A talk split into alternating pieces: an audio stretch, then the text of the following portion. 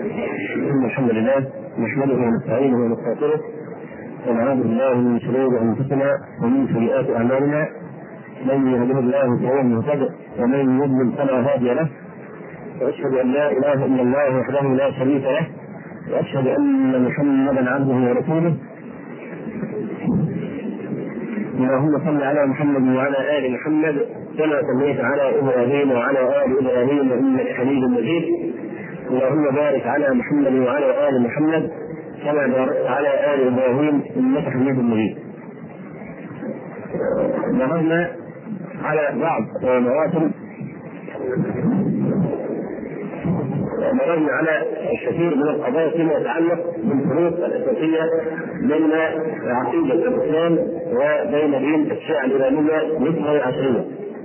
وكان مما انتهينا إليه الأسبوع الماضي أنه لابد من تمدد بمغزى كلمة الشيعة فلا يجوز ظن الشيعة في الإطلاق لأن هذا المعنى ينفع ويشمل فيما يشمل يعني شيعة علي رضي الله عنه من الصحابة الذين قاتلوا معه ضد معاوية رضي الله عنه ومن خالفه من الصحابة حين اختلفوا على الأخذ بسائر عثمان رضي الله تعالى عنه.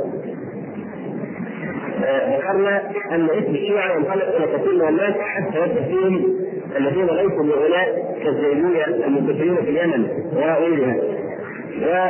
أن الشيعة الحقيقيين هم أهل السنة والجماعة الذين ينقلون الذين ينقلون أهل البيت ولكن لا يعبدونهم من دون الله وإذا أطلقنا كلمة الشيعة في هذا البحث فإننا ننطلق إلى الشيعة الإمامية فرقة من فرق الشيعة الكبيرة وهي الشيعة الإمامية الإثنى عشرية والذين يمثلون أغلب سكان فارس المعروفة حاليا باسم إيران. نذكر إن شاء الله اليوم مجمل بعقائد الشيعة التي يختلفون فيها مع أهل السنة والجماعة أو مع أهل الإسلام بتعبير أصح. ما هي العقائد الأساسية؟ وهل حقا الخلاف بين أهل السنة بين المسلمين وبين هؤلاء الروافض انما هو خلاف في قضايا شرعيه لا يتمس ضد الإمام ولا يتمس أساس العقيدة إذا ذكرنا عناوين هذه المسائل التي سبق فيها الفريقان أدركنا مدى يعني مجاوبة هؤلاء الذين يزعمون ان الفروق بيننا وبين الشيعة فروق بسيطة يعني ولا تمس أصول الدين.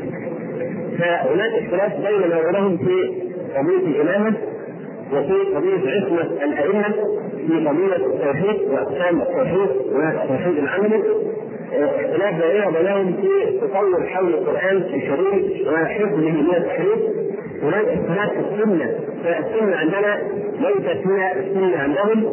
هناك اختلاف جذري وأساسي فيما يتعلق بالاعتقاد في حق الصحابة رضي الله تعالى عنهم وبالذات في حق الخلفاء الراشدين. هناك اختلاف في أهل البيت. من هم أهل البيت؟ هناك اختلاف في الإجماع. هناك اختلاف في عقيدة الرجعة عند الشيعة عقيدة الغباء في حق الله سبحانه وتعالى. هناك اختلاف في التحية هناك اختلاف في ختم النبوة. هناك اختلاف في دعواهم الجهر شيء شيء من الجهر عندهم. أيضا في قضية رؤيه الناس الاخره في نفي القدر في كثير. يعني من أمور الايمان الأخرى التي قد لا تسع المجال التفصيليه لكن هذه رؤوس المسائل يبقى خلاف الفروع. وخلاف الفروع خلاف يعني واسع وكبير ومنتشر مثل مثلا استحلال نكاح المتعة الشيعة يدعون جواز المتعة. ويقولون بالمسح على الرجلين في الوضوء. لا يدخلون ارجلهم في الوضوء ولكن يمسحون لا ينفرقون في الصلاة. بالسلام عليكم ورحمة الله ولكن لا يفعلوا هكذا بينهم الإثنين. يعني هناك اختلاف في كثير من المسائل منها مثلا نص يعني المرأة بغير محل الحرف وبغير الجمع بين المرأة وخالتها مثلا ففي الفروع يعني يختلفون اختلاف كثير جدا ولكن حتى غير الذين يقولون ويقولون ان الخلاف إنما هو في الفروع فلننظر في الأصول لندرك مدى المجازفة في هذا الزعم الذي يزعمه الذين لا يعلمون.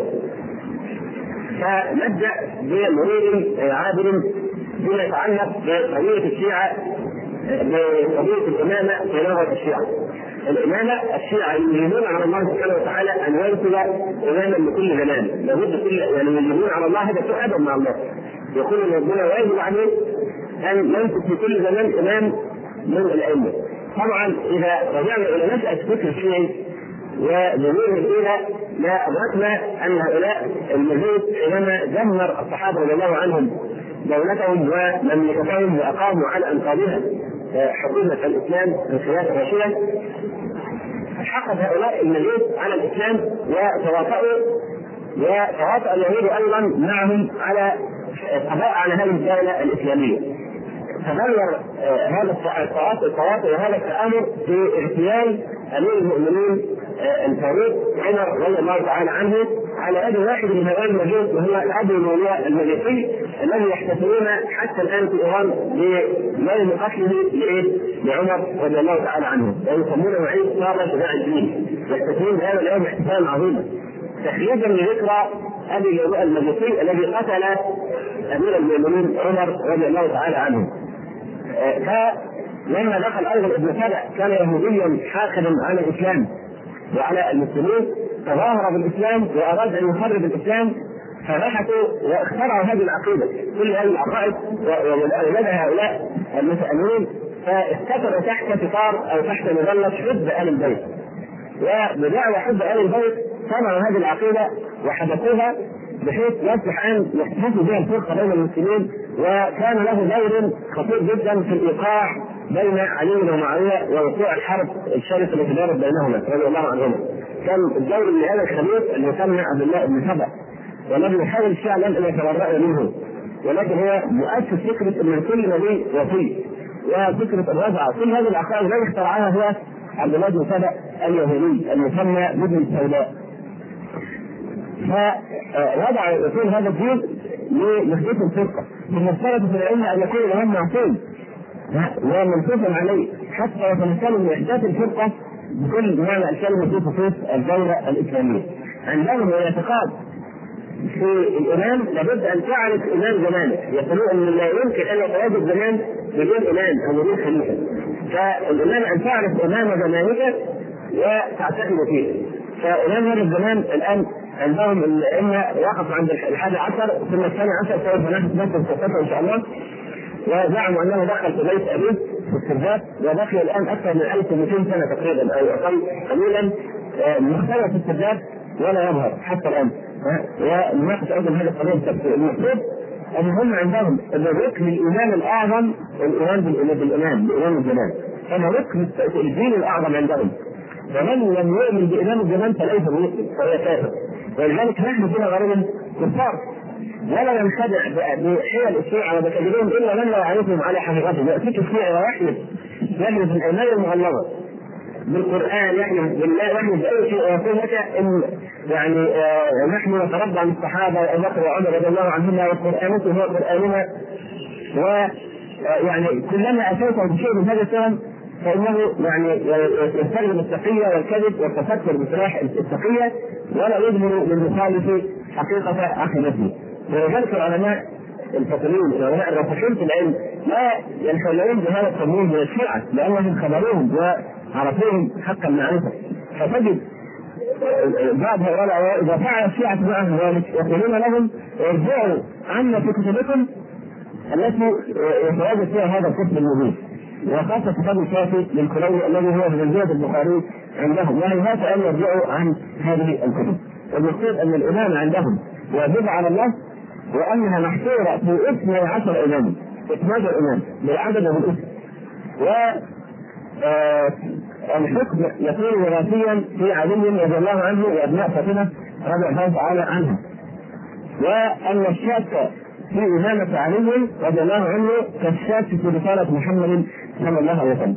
من يشك في أن حق الإمامة كان علي وأنه أهدى إلى العلم وأنه كان وصيا النبي صلى الله عليه وسلم فهو كالشاك في رسالة النبي محمد صلى الله عليه وآله وسلم. لذلك الشيعة في وقت الأئمة بحيث يرفعون مثل الحقيقة إلى مصاف الألوهية وإن كانوا يزعمون ذلك. ويقولون نحن لا نعبدهم ولا نثبت عليهم صفات الالوهيه. يقول الخميني في الحكومة الإسلامية كما ذكرنا من قبل صفحه 52 يقول للامام إن من ضرورات مذهبنا وان للامام مقاما محمودا ودرجه ثانية وخلافه تكوينيه تخضع بعبادتها وسيطرتها جميع ذرات الكون يعني معناها ان الامام اذا قال لشيء كن فيكون هذا صفه صفه الله سبحانه وتعالى الائمه يخلعون عليهم هذه الصفات ان كل ذرات الكون تخضع ولولاياتهم يقول وان من ضرورات مذهبنا أن لائمتنا مقاما لا يبلغه ملك مقرب ولا نبي منصب هذا كلام الخميني بنفسه في أحد كتبه.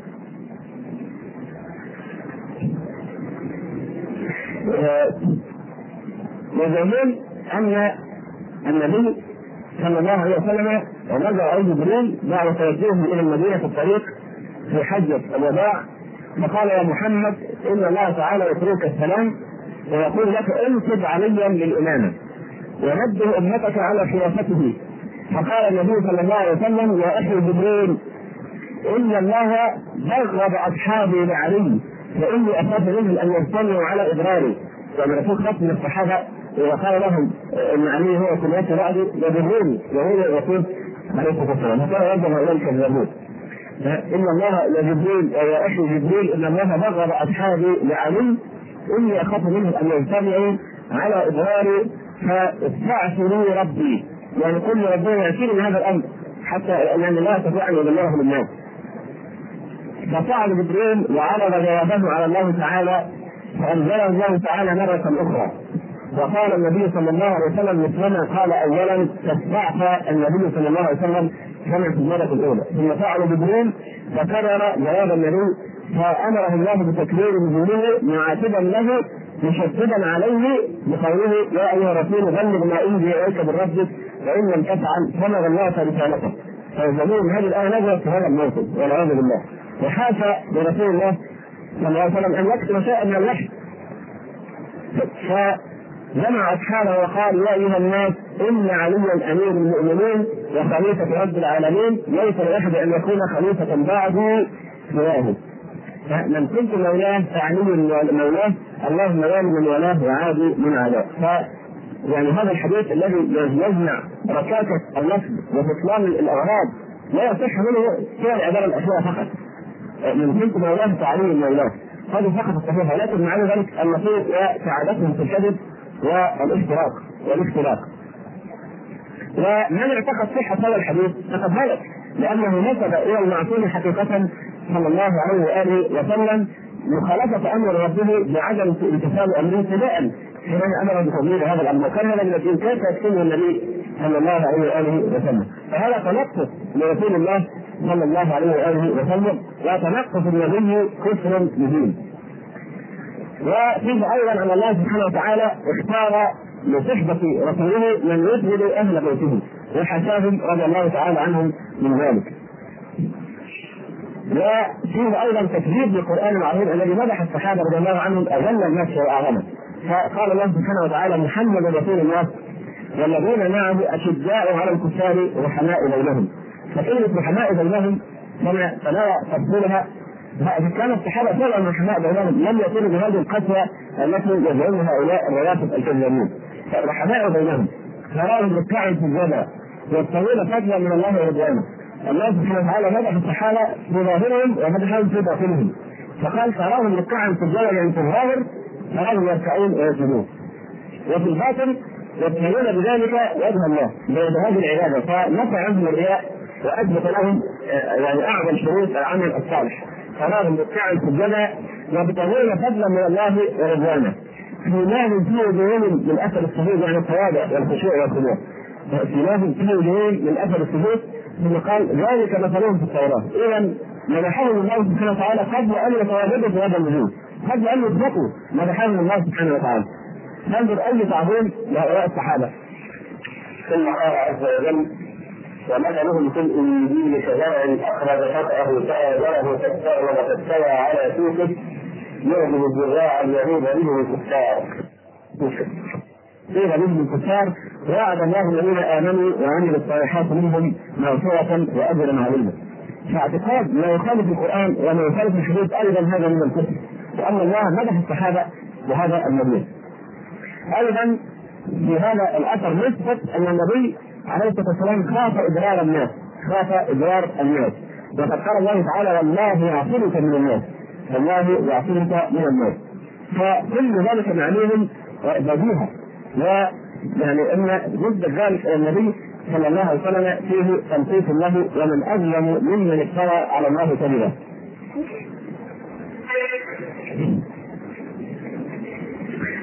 أيضا من متسممات مذهبهم إنكار صحة خلافة الصديق رضي الله تعالى عنه وإنكارها يستلزم تصديق من بايع ابا بكر، برضه تعبير ابا بكر يكفرون الصحابة الذين لم يعني الذين بايعوا ابا بكر رضي الله تعالى عنه واعتقدوا خلافته حقا.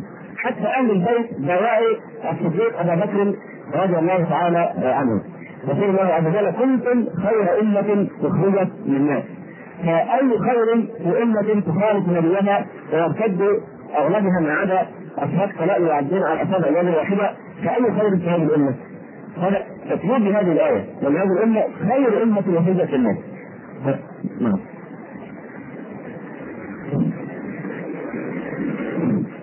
والحديث الأحاديث الواردة في صحة خلافة أبي بكر الصديق رضي الله تعالى عنه أكثر من أن تذكر. لو كان في هؤلاء القوم خير لما تكلموا في اصحاب النبي صلى الله عليه وسلم يقول الله الله في اصحابي نبيني واصحابي من سب أصحابي فعليه لعنة الله وملائكته والناس أجمعين. إلى آخر الأحاديث المعروفة. عن علي رضي الله تعالى عنه قال دخلنا على رسول الله صلى الله عليه وسلم. فقلنا يا رسول الله استخلف علينا. يعني استخلف خليفة يكون من بعدك علينا. فقال إن يعلم الله فيكم خيرا يولي عليكم خيركم. إن يعلم الله فيكم خيرا يولي عليكم خيركم. وقال علي رضي الله عنه فعلم الله فينا خيرا فولى علينا خيرنا. ابا بكر رضي الله تعالى عنه. هذا قول علي في حق الصديق رضي الله تعالى عنه. وعن جبير بن مسلم قال أتت امرأة إلى النبي صلى الله عليه وسلم فأمرها أن ترجع إليه. فقالت إن جئت ولم أجدك. هي امرأة يعني حقيقه ذكيه أمرها الرسول عليه السلام أن تذهب تعود اليه مرة ثانية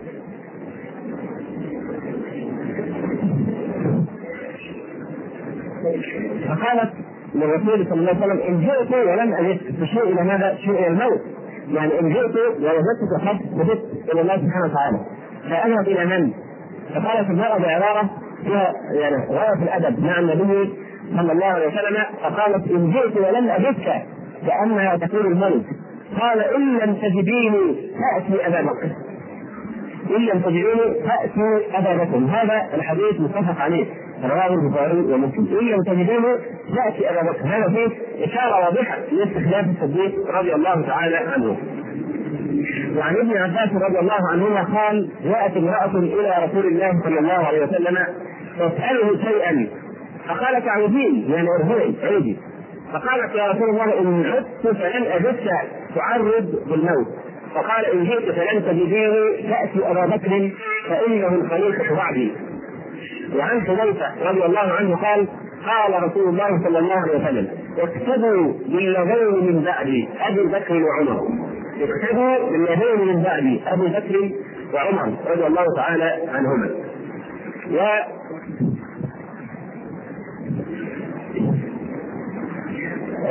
عن أنس رضي الله عنه قال بعثني بني المصطلق إلى رسول الله صلى الله عليه وسلم أن أسأله إلى من ندفع صدقاتنا بعدك. فقال إلى أبي بكر. ومعروف الحديث لما استخلفه النبي صلى الله عليه وسلم في الصلاة بالناس.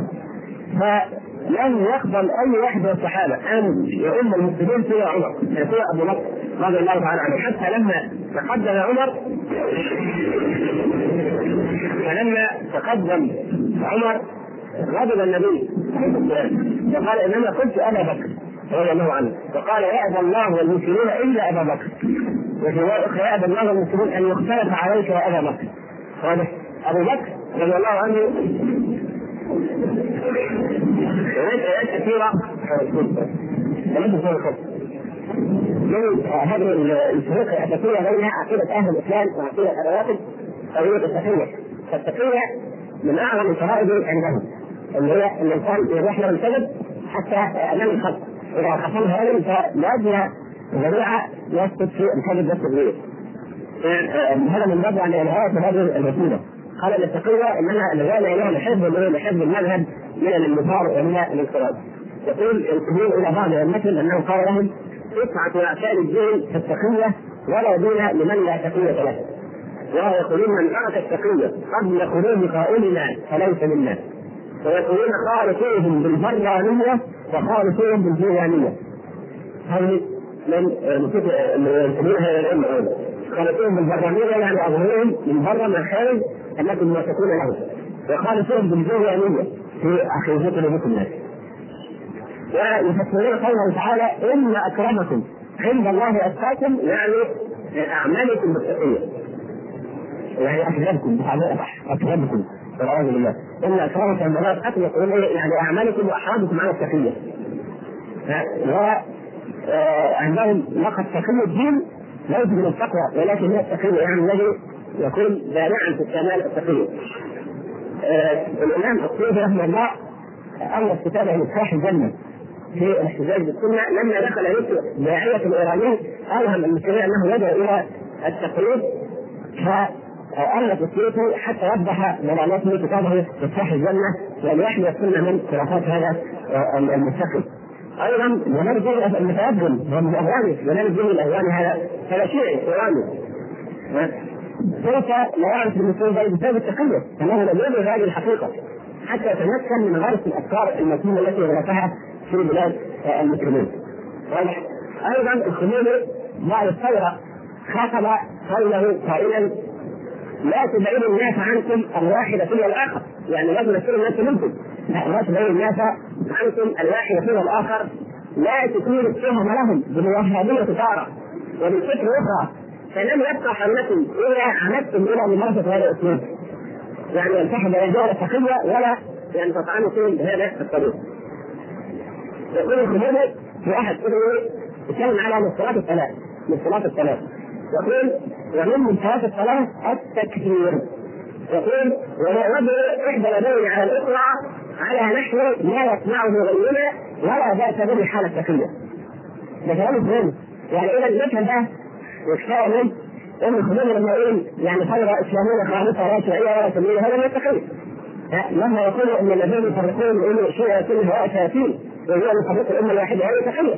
فمن أراد أن يثبت فقه طالبيه يتبرع الخميني من تكفير أبي بكر وعمر يعمل بس نتحدث اليوم عن أبي بكر وعمر المسلمين. يتبرع مما في كتب في كتابه في كتاب الكافي من تحريف القرآن من يعني الصحابة رضي الله تعالى عنهم من هذه التركيبات الصريحة وهذا هو الذي يعني يؤثر في في المخالف اما الاكتفاء بهذه الشعارات وهم في الحقيقة يتعبدون بالكذب هذا لا يجزي شيئا. طبعا أشار من قبل لأن رواتب الخلفاء يعني ينسبون الاسم لأن المؤمنين عائشة رضي الله اخواه الله.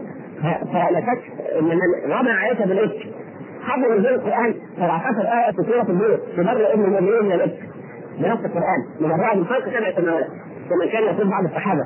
حدثتني الصديقة. بنت الصديق المبرئه من فوق سبع سماوات. رضي الله تعالى عنها.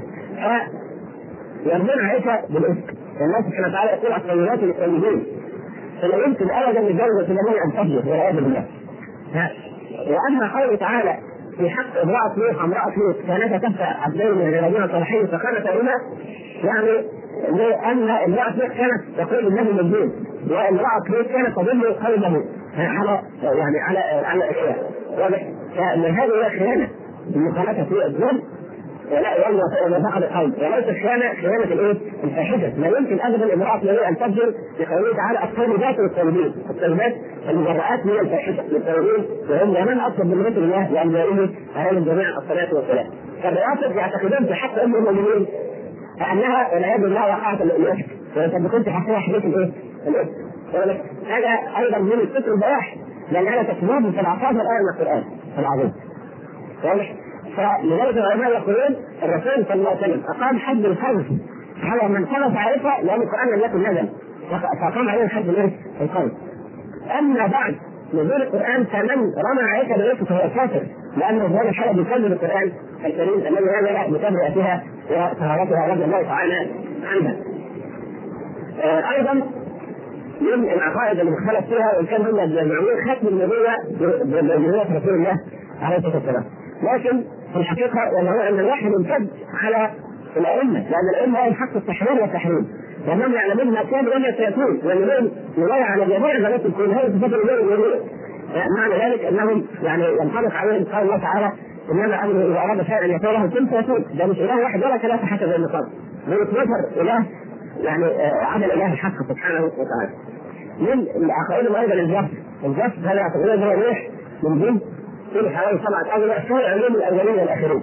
يكون أيضا علمه عند الأئمة. طبعا رؤيه الله في الاخره عندهم غير ممكنة. ويكثرون من يعتقد أن المؤمنين يرون ربهم يوم القيامة.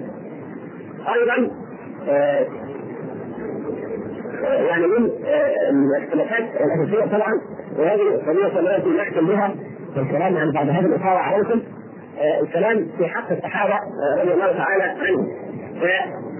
وذكرنا في سبق نصوص كثيرة من كتب الخميني في تفسير الصحابة واعتباره عليهم أخيار الله بل هذا الخميني الكذاب الدجال يقول في حق أمير المؤمنين معاوية رضي الله تعالى عنه يقول معاوية رأت قومه أربعين عاما ولكنه لم يكسب لنفسه سوى لعنة الدنيا وعذاب الآخرة. هذا بالحق أمير المؤمنين معاوية رضي الله تعالى عنه. معاوية هذا كتب الوحي كان يكتب الوحي لرسول الله صلى الله عليه وسلم. واضح؟ يعني طبعا الأمر محتاج لتفصيل كثير في ذلك الاشكال عن ما شجر بين الصحابه رضي الله عنهم وهذا يحتاج ل يعني ان شاء الله بعد ذلك تفصيل في هذا آخر يعني. المقصود ان الشيعة يعتقدون أن الصحابة رضي الله عنهم جميعا قد ارتدوا وكفروا بعد وفاة الرسول صلى الله عليه وسلم ما عدا خمسة منهم. هنا بعض النصوص كتاب الكافر يروي عن الإمام خالد ابي جعفر عن الإمام الباقر يعني أنه قال كان الناس أهل رده بعد النبي صلى الله عليه وسلم إلا ثلاثة. كل الأمة ارتدت إلا ثلاثة. فقلت ومن الثلاثة؟ فقال المقداد ابن الأسود وأبو ذر الغفاري وسلمان الفارسي رحمة الله عليهم وبركاته. يبقى كل الامه ارتدت بعد موت النبي عليه السلام إلا هؤلاء الثلاثة. يقول أيضا في كتاب الخليل كتاب كشف الاسرار اوضح للقراء بصراحة تامة بل بصورة علنيه ان الخلفاء الثلاثة أبا بكر وعمر وعثمان وجميع اكابر الصحابة معاذ الله كانوا طلاب دنيا. ويظن أنهم كانوا شر الخلق والعياذ بالله. فيقول إنهم قدروا الاتيان بالسنتين فقط. طمعا في الحكم والسلطة فهم في الظاهر مسلمين لكنهم في الباطن كفار وزنادقة. وكانوا على استعداد لارتكاب أي عمل في النور من أجل تحقيق اهدافهم واغراضهم كما انهم يمكن أن يحرفوا القرآن ان اقتضت الضروره ذلك. لله والصلاة والسلام على رسول الله. وعلى آله وصحبه ومن أيضا من هذه المسالك والمآثم التي يؤسسون عليها بنهي كما ذكرنا سب الصحابة رضي الله تعالى عنهم. فقد روى في كتبهم المعتبرة عن أحد أتباعهم أنه قال كنت يوما عند أبي عبد الله جعفر بن محمد. فجاءه رجل سياط من شيعته وبيده قميصان. فقال يا ابن رسول الله خذت أحدهما وبكل غرزه إبرة وحدت الله الأكبر. وخذت الآخر وبكل غرزه إبرة آه، آه، لعنت الأبعد أو لعن الأبعد. أبا بكر وعمر رضي الله عنهما. ثم نظرت لك ما احببته لك منهما اما تحبه خذه وما لا تحبه ضده. فقال الصادق أحب ما تم بلعن أبي بكر وعمر وأرد إليك الذي خيط بذكر الله الأكبر. يعني فكأن التعبد والتقرب بلعن أبي بكر وعمر أفضل عندهم من ذكر الله سبحانه وتعالى. طبعا هذه روايات للصلاه على الأئمة لأن الشيعه بضاعتهم أنفذت كما بجنه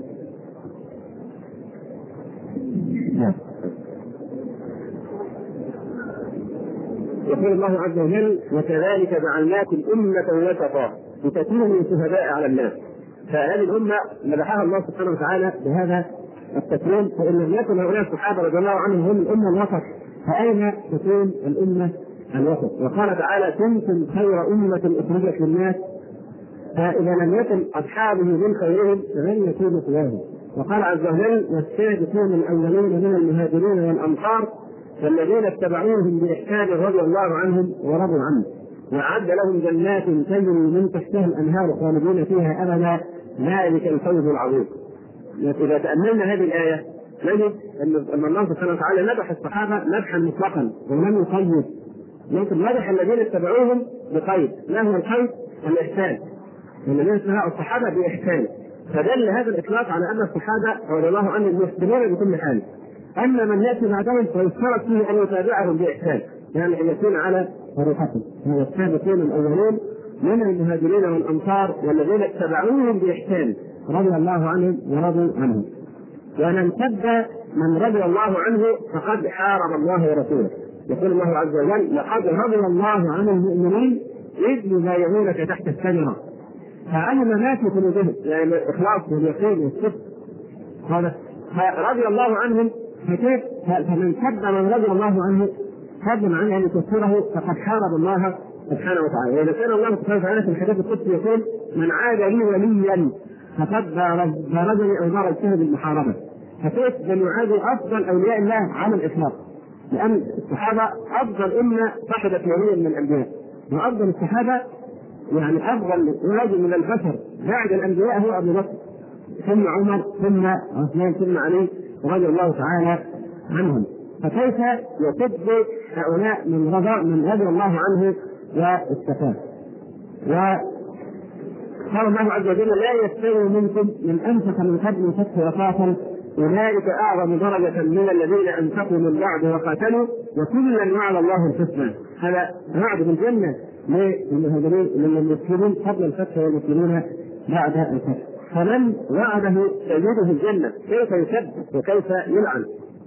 وقال عز وجل في قسمة مال الفيء مال الفيء وما أتى الله على رسوله ما أتى الله على رسوله من أهل القرى. من رسوله من القربى واليتامى والمساكين وابن السبيل كي لا يكون دولة بين الأغنياء؟ منكم ثم فصل الله سبحانه وتعالى كيفية فصل ماء الفيء فقال أول قسم من فقراء المهاجرين الذين أخرجوا من ديارهم وأموالهم هذه هجرة النية بقى يبتغون فضلا من الله ورضوانه. يعني هذا يكتب لهم بالاخلاص في هجرتهم إلى الله سبحانه وتعالى. من فقراء المهاجرين الذين اخرجوا من ديارهم واموالهم يبتغون فضلا من الله ورضوانه. هذه الآية في حق من؟ المهاجرين. وينصرون الله ورسوله أولئك هم الصادقون. وقال في الأنصار والذين تبوأوا الدار كان فريق استحق من الفقه والذين تبوأوا يعني سكنوا الدار المدينة. والذين تبوأوا الدار والإيمان من قبلهم يحبون من هاجر إليهم ولا يجدون في صدورهم حاجة مما أوتوا. ويؤثرون على أنفسهم ولو كان لهم خصاصة. ومن يوق ومن يوق شح نفسه فأولئك هم المفلحون. ثم قال الله عز وجل والذين جاءوا من بعدهم القسم الثالث من المؤمنين يعني المؤمنين ثلاث أصناف فقط المهاجرين والأنصار والقسم الثالث من يحب المهاجرين والأنصار. حتى انه يدعو لهم ويستغفر لهم. الذين جاءوا من بعدهم يقولون ربنا اغفر لنا. شوف القران بيمدح هؤلاء الطائفتين المهاجرين والأنصار هؤلاء المجرمون يسب لهم ويلعن لهم ويكفر لهم اخلاهم والذين جاءوا من بعدهم لا صفتهم يستحقون الخير لا صفة هذا الفريق الثالث والذين جاءوا من بعدهم يقولون ربنا اغفر لنا. ولإخواننا الذين سبقونا بالإيمان. ولا تجعل في قلوبنا غلا للذين آمنوا.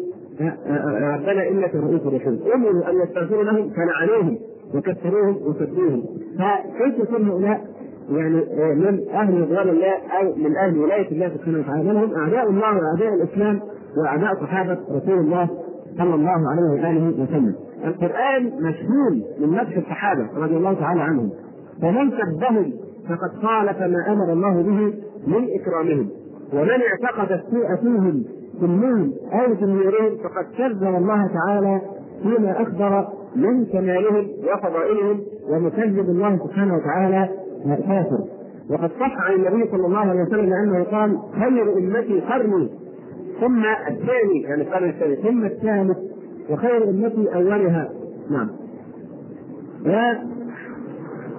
قال صلى الله عليه وسلم لا تسبوا أصحابي فوالذي نفسي بيده لو أن أحدكم أنفق مثل احد ذهبا ما أدرك مد أحدهم ولا نصيبه. لو ان رجل تصدق صدقه في سبيل الله مثل جبل احد ذهب، جبل احد طوله طوله 6 كيلو مترات. طول جبل احد 6 كيلو مترات. واضح؟ فتخيلوا جبل احد هذا كله الانسان ملك يوزن جبل احد ذهب به في سبيل الله لا يساوي المد أو النصيب المد اللي هو صدقه مثلا بشعير أو ذره مثلا أو قمح المد من الإيه؟ من الكفين. لا يساوي ولم يبلغ مثل المد من إيه؟ من صدقه الصحابة رضي الله عنهم. وماذا؟ لأن الصحابة شرفهم الله بشرف لا ينال ابدا أي إنسان يعني مهما بلغ. واضح؟ لا ينال شرفه أنهم صحبوا النبي عليه الصلاه والسلام. ورأوا بعينهم بأعينهم رضي الله تعالى عنهم قيل لمن رآه يعني وعد النبي عليه الصلاة والسلام طيبه طيبه الجنة لمن رآه صلى الله عليه وآله وسلم. وعن عمر رضي الله عنه قال لا تسبوا أصحاب محمد صلى الله عليه وسلم. فمقام أحدهم ساعة خير من عمل أحدكم عمره. وقال صلى الله عليه وسلم ان الله اطلع على أهل بدر فقال اعملوا ما شئتم فإني فقد وجبت لكم الجنة أو فقد غفرت لكم. وقال صلى الله عليه وسلم لا يدخل النار من يعني حضر الحديبية أو من باع تحت الشجره إلا تحله القسم يعني الذي في سوره مريم. وقال صلى الله عليه وسلم لا تسبوا أصحابي لعن الله من سب أصحابي. فالمقصود إن الأحاديث تواترت في فضل الصحابة رضي الله عنهم وفي نفسهم وتواتر النقل في ذلك فمن خالف كل هذا فليس من أهل الإسلام في شيء. هنا بعض الآثار يذكرها الشيخ محب الدين الخطيب رحمه الله تعالى في كتابه حملة رسالة الإسلام الأولين وما كانوا عليه من المحبة والتعاون والخير. يقول الشيخ محب الدين الخطيب رحمه الله تعالى يقول حدثني بعض الذين لقيتهم في ثغر البصرة لما كنت معتقلا في سجن الإنجليز سنة 32 و 1932 من الهجرة. أن رجلا من العرب يعرفونه كان يتنقل بين بعض قرى إيران فقتله القرظيون لما علموا أن اسمه عمر. ان اسمه عمر قتلوه كما ذكرت من قبل ويا ويل من اسم عمر ويعز الاسلام. فقلت أي بأس يرونه باسم عمر؟ قالوا حبا بأمير المؤمنين علي. يعني ان يحب علي يعادي من إيه من اسمه عمر. فظنوا الخلفاء أن هذا من حب أمير المؤمنين علي رضي الله عنه. قلت وكيف يقولون من شيعة علي وهم يجهلون أن عليا سمى أبناءه بعد الحسن والحسين ومحمد ابن الحنفيه باسم أصدقائه وإخوانه الله. يعني بعد الحسن والحسين ومحمد بن الحنفيه سمى علي رضي الله عنه أولاده عمر وعثمان. مو ولدين باسم عمر واسم عثمان. رضوان الله عليهم أجمعين. وأم كلثوم بنت أمير المؤمنين علي بن أبي طالب رضي الله عنه كانت زوجة لعمر بن الخطاب رضي الله تعالى عنه. ولدت له زوجا ورقية وبعد مقتل عمر تزوجها ابن عمها محمد بن جعفر بن أبي طالب. ومات عنها فتزوجها بعده اخوه عون بن جعفر فماتت عنده. وعبد الله بن جعفر ابن ابن أبي طالب سمى احد بنيه باسم أبي بكر. وهذا من يعني من من اول بيت وسمى ابن اخر له باسم معاوية. ومعاوية بن عبد الله بن جعفر بن أبي طالب سمى احد بنيه باسم يزيد. إلى آخره يعني ذكر كثيرا من الاسماء سواء الحسن بن علي رضي الله عنه كيف أيضا؟ الحسن أحد أولاده ابو بكر وسمى الآخر عمر والثاني باسم طلحة. فاذا كان بيان المحبه كما قال الله عز وجل اشداء عن تساوي وحماء بينهم. أذلة على المؤمنين هذا كان يمثل حقيقة الحياة بين الصحابة رضي الله عنهم وليسوا بهذه الصورة البشعة التي يصورها هؤلاء الروافض. يعني الآن نكون قد مررنا مرا سريعا على أهم هذه العقائد التي حد فيها هؤلاء الروافض عن أهل الحق وأهل السنة والجماعة بل أهل الإسلام وصاروا بها فرقة منهوبة منافية لدين الإسلام الذي بعث الله به رسله وأنزل به كتبه واستمرت عليه الأمة حتى زماننا هذا.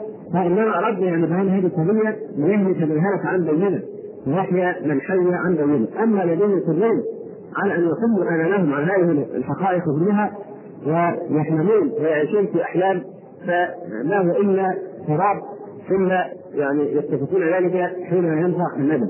فموالاة من يعاديه الله أو محبه من يزيده الله أو تقريب من يسلم الله هذا منازعه لأمر الله ومحاربة لأولياء الله وقد توعد الله عز وجل من وقع في معاداة هؤلاء الصالحين. وقال الله عز وجل ومن ومن يشاكك الرسول من بعد ما تبين له الهدى ويتبع غير سبيل المؤمنين نوله ما تولى ونصله جهنم وساءت مصيرا أقول قولي هذا وأستغفر الله لي ولكم. السلام عليكم ورحمة الله وبركاته.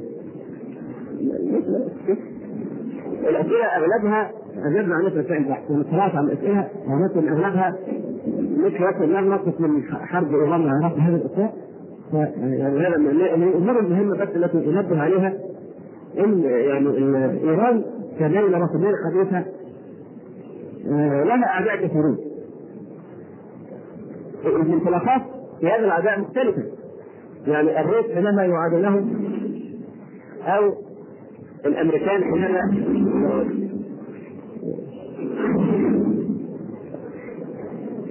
واضح. يعني بعض الدول العلمانية التي تخطو خطوات في طريق العلمانية تعاد أيضا إيران، بعضهم يعاديها من أجل أن إيران تحمل اسم الإسلام، ويمكن غفله عن حقيقة عقائد الشيعة يعني هم اللي بيعادوها دول شيعه. منطلق آخر غير المنطلق هو منطلق هم، منطلق ان هؤلاء يسلمون في نظرهم الإسلام. والاسلام في نظرهم الوحش الكافر الذي ظهر واستيقظ فسوف يدمر يعني مملكتهم كما فعل من قبل. هؤلاء ينطلقوا من حرب إيران من باب ان ايران في نظرهم تمثل الإسلام. واضح؟ اما نحن فربما يعني نتفق معهم في ذلك نعاد أيضا هؤلاء الرواتب الخبثاء ولكن ليس من نفس المنطلق فليس في هذا في خندق واحد مع أعداء الإسلام ضد دولة تدعم الإسلام. ولكن هذا رفض ان نقف مع الشيعة في خندق واحد وهو يسجون صحابه رسول الله ويخالف لنا في اصول الدين فضلا عن طريقه التي وصلناه. فالمخرجين المفروض إحنا منطلقنا منطلق عقائدي أما الناس اللي منطلقهم منطلق سياسي فهذا السياسي تتغير من لون اخر أما العقيدة فهي ثابتة. ففي أي يوم من الأيام ما دام الشيعه على باطلهم فبنحكم عليهم بالضلال والمروق و يعني الكفران. ما داموا على هذه العقائد الباطلة التي بيناها أما السياسة فالمسألة تدور معهم حسب المصالح.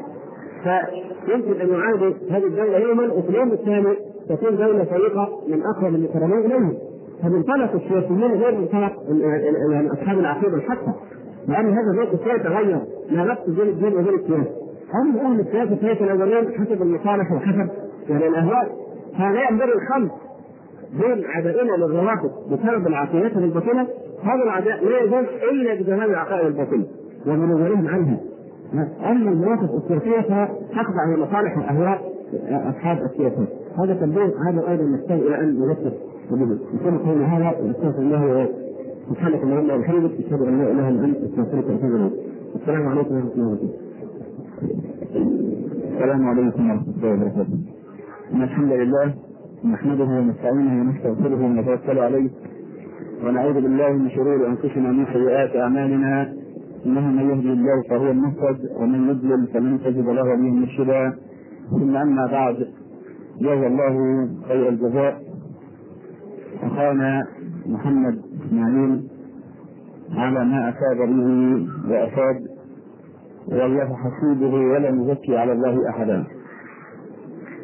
وأعتقد أن هذه القضية بعدما قدم فيها في هذه الندوات المتلاحقة لا تحتاج بعد ذلك إلى تعقيد فقد أماط اللسان وكشف النقاب عن حقيقة هويه هؤلاء الشيعة وكيف أنهم يكيدون للإسلام ليل نهار. وحقيقة كم شبابنا في حاجة إلى اماطه اللسان عن كثير من القضايا التي تشغل بال الشباب في ربوع المنطقة ومنطقه غرب التي نعيش فيها في حاجة إلى مزيد من هذه اللقاءات التي تحقق الفوائد المتعددة.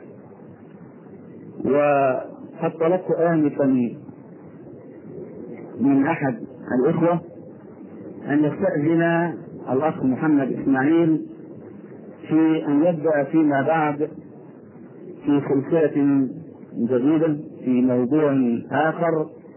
بعدما تحملنا كثيرا وتحمل وعثاء الطريق وترددات التيارات الكهربائية التي تفزعه وتفزعنا بين حين وآخر وانقطاع التيار الكهربائي ولكن الصبر نصف الإيمان فكما صبر علينا فجزاه الله خير الجزاء. وجاز الله عز وجل اسره مسجد الجمل على هذا الإعداد وعلى هذا الترشيد.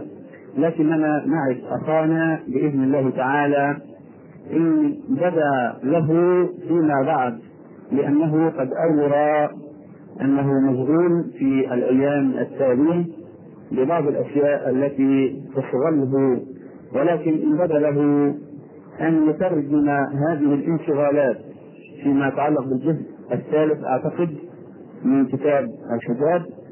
فهذا هذه القضية قضية الحجاب حجاب المرأة المسلمة إخواننا في هذه المنطقة منطقة القبار والورديان والمسح والدخول في حاجة إلى إماطة اللسان وبيان ما قدمه أخانا الفاضل في جزئه الأول وفي الأجزاء التالية حتى في الجزء الذي يقوم بتدوينه في الفترة الحالية.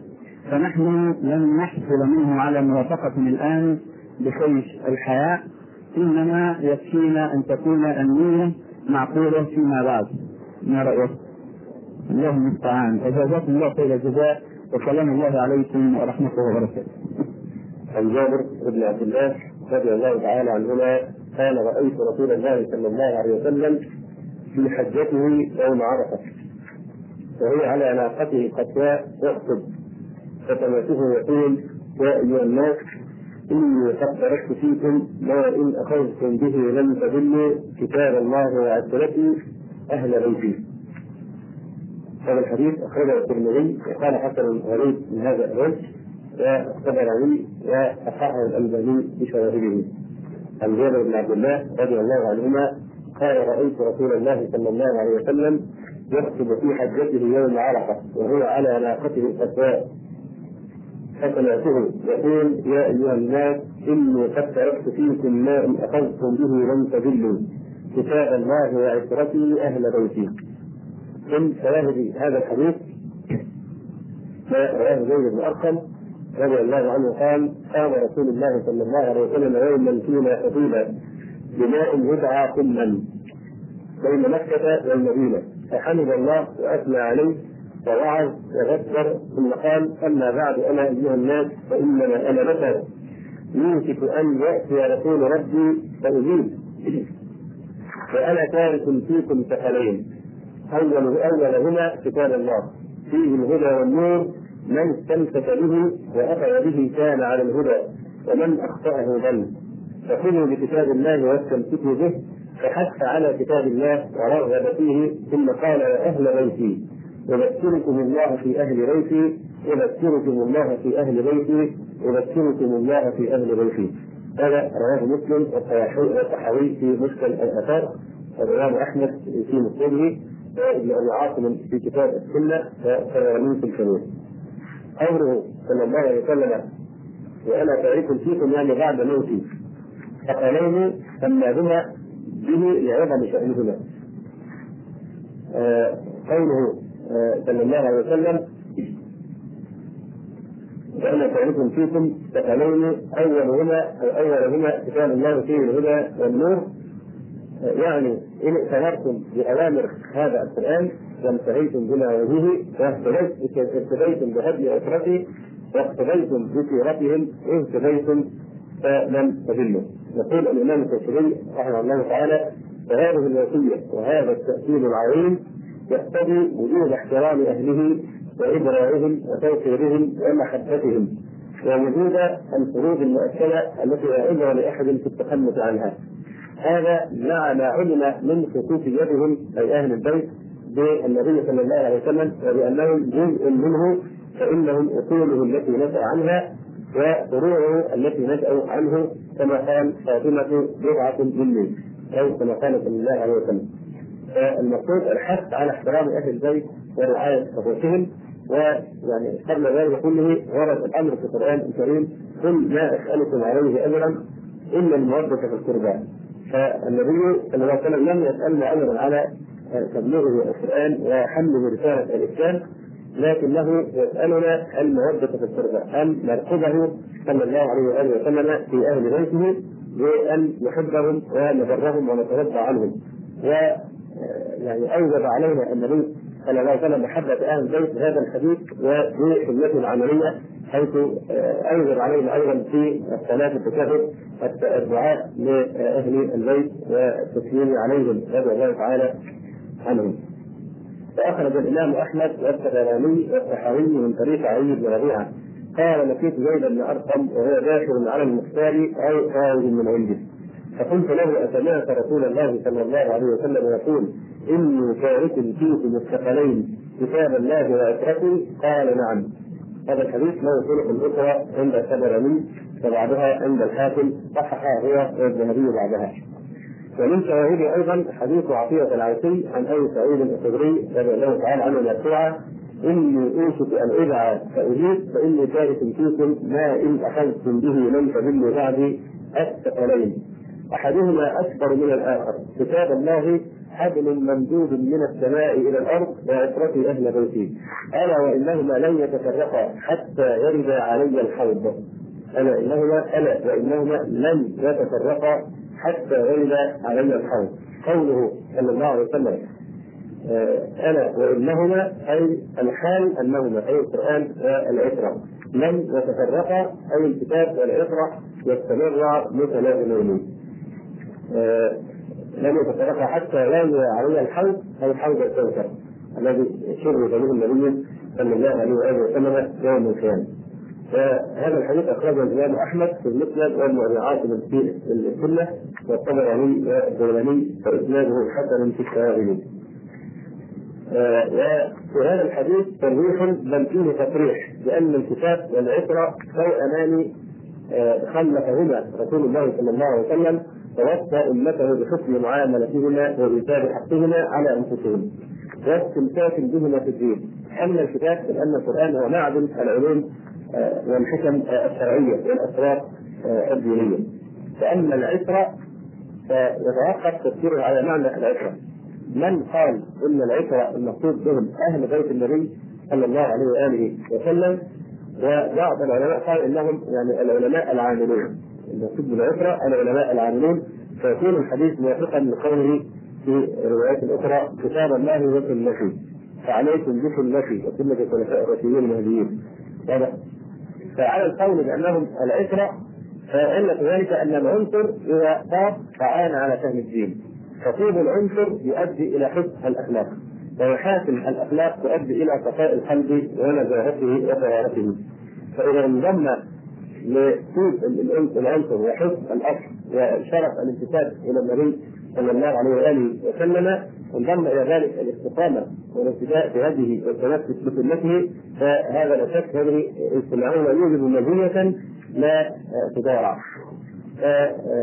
هذا هو بعض العلماء قال العترة أهل البيت فأهل البيت بالمعنى الصحيح يشملون يعني أهل بيت النبي صلى الله عليه وسلم وبما بما في ذلك أزواجه رضي الله تعالى عنهن بعكس ما ذهب إليه الروافد الخلفاء من تأويل هذا الحديث وأمثاله بما يوافق ضلالتهم وكتبهم فهم أخرجوا زوجات النبي صلى الله عليه وآله وسلم من أهل البيت ونشير إلى هذا السؤال عما قريب.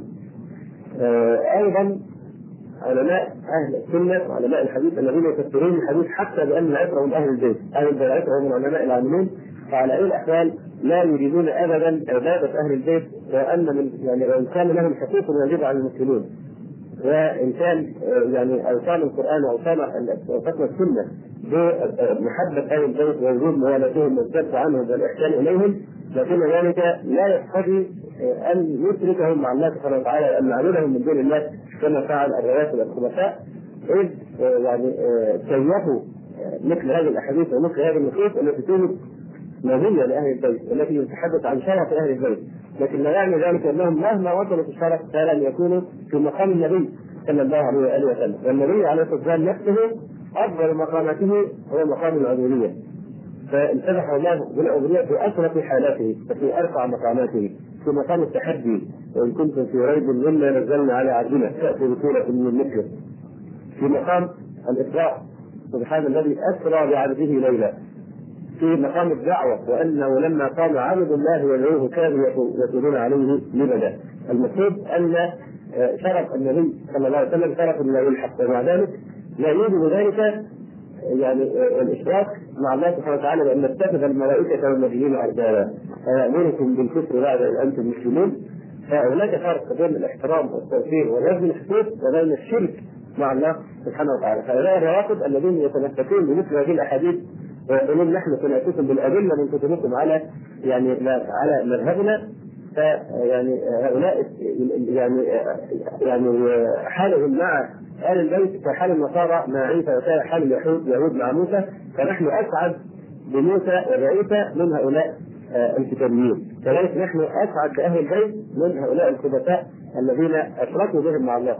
فعبدوا لهم عملا معينا وحدثوا من أهل البيت طوائف وأضافوا طوائف واخترعوا شخصيات كثيره لا وجود لها المهدي المنتظر يعني في استخدام الموهوم وقول الخميني مثلا في بعض كتبه إن لأئمتهم مقاما معلوما لا يبلغه ملك مقرب ولا نبي مرسل.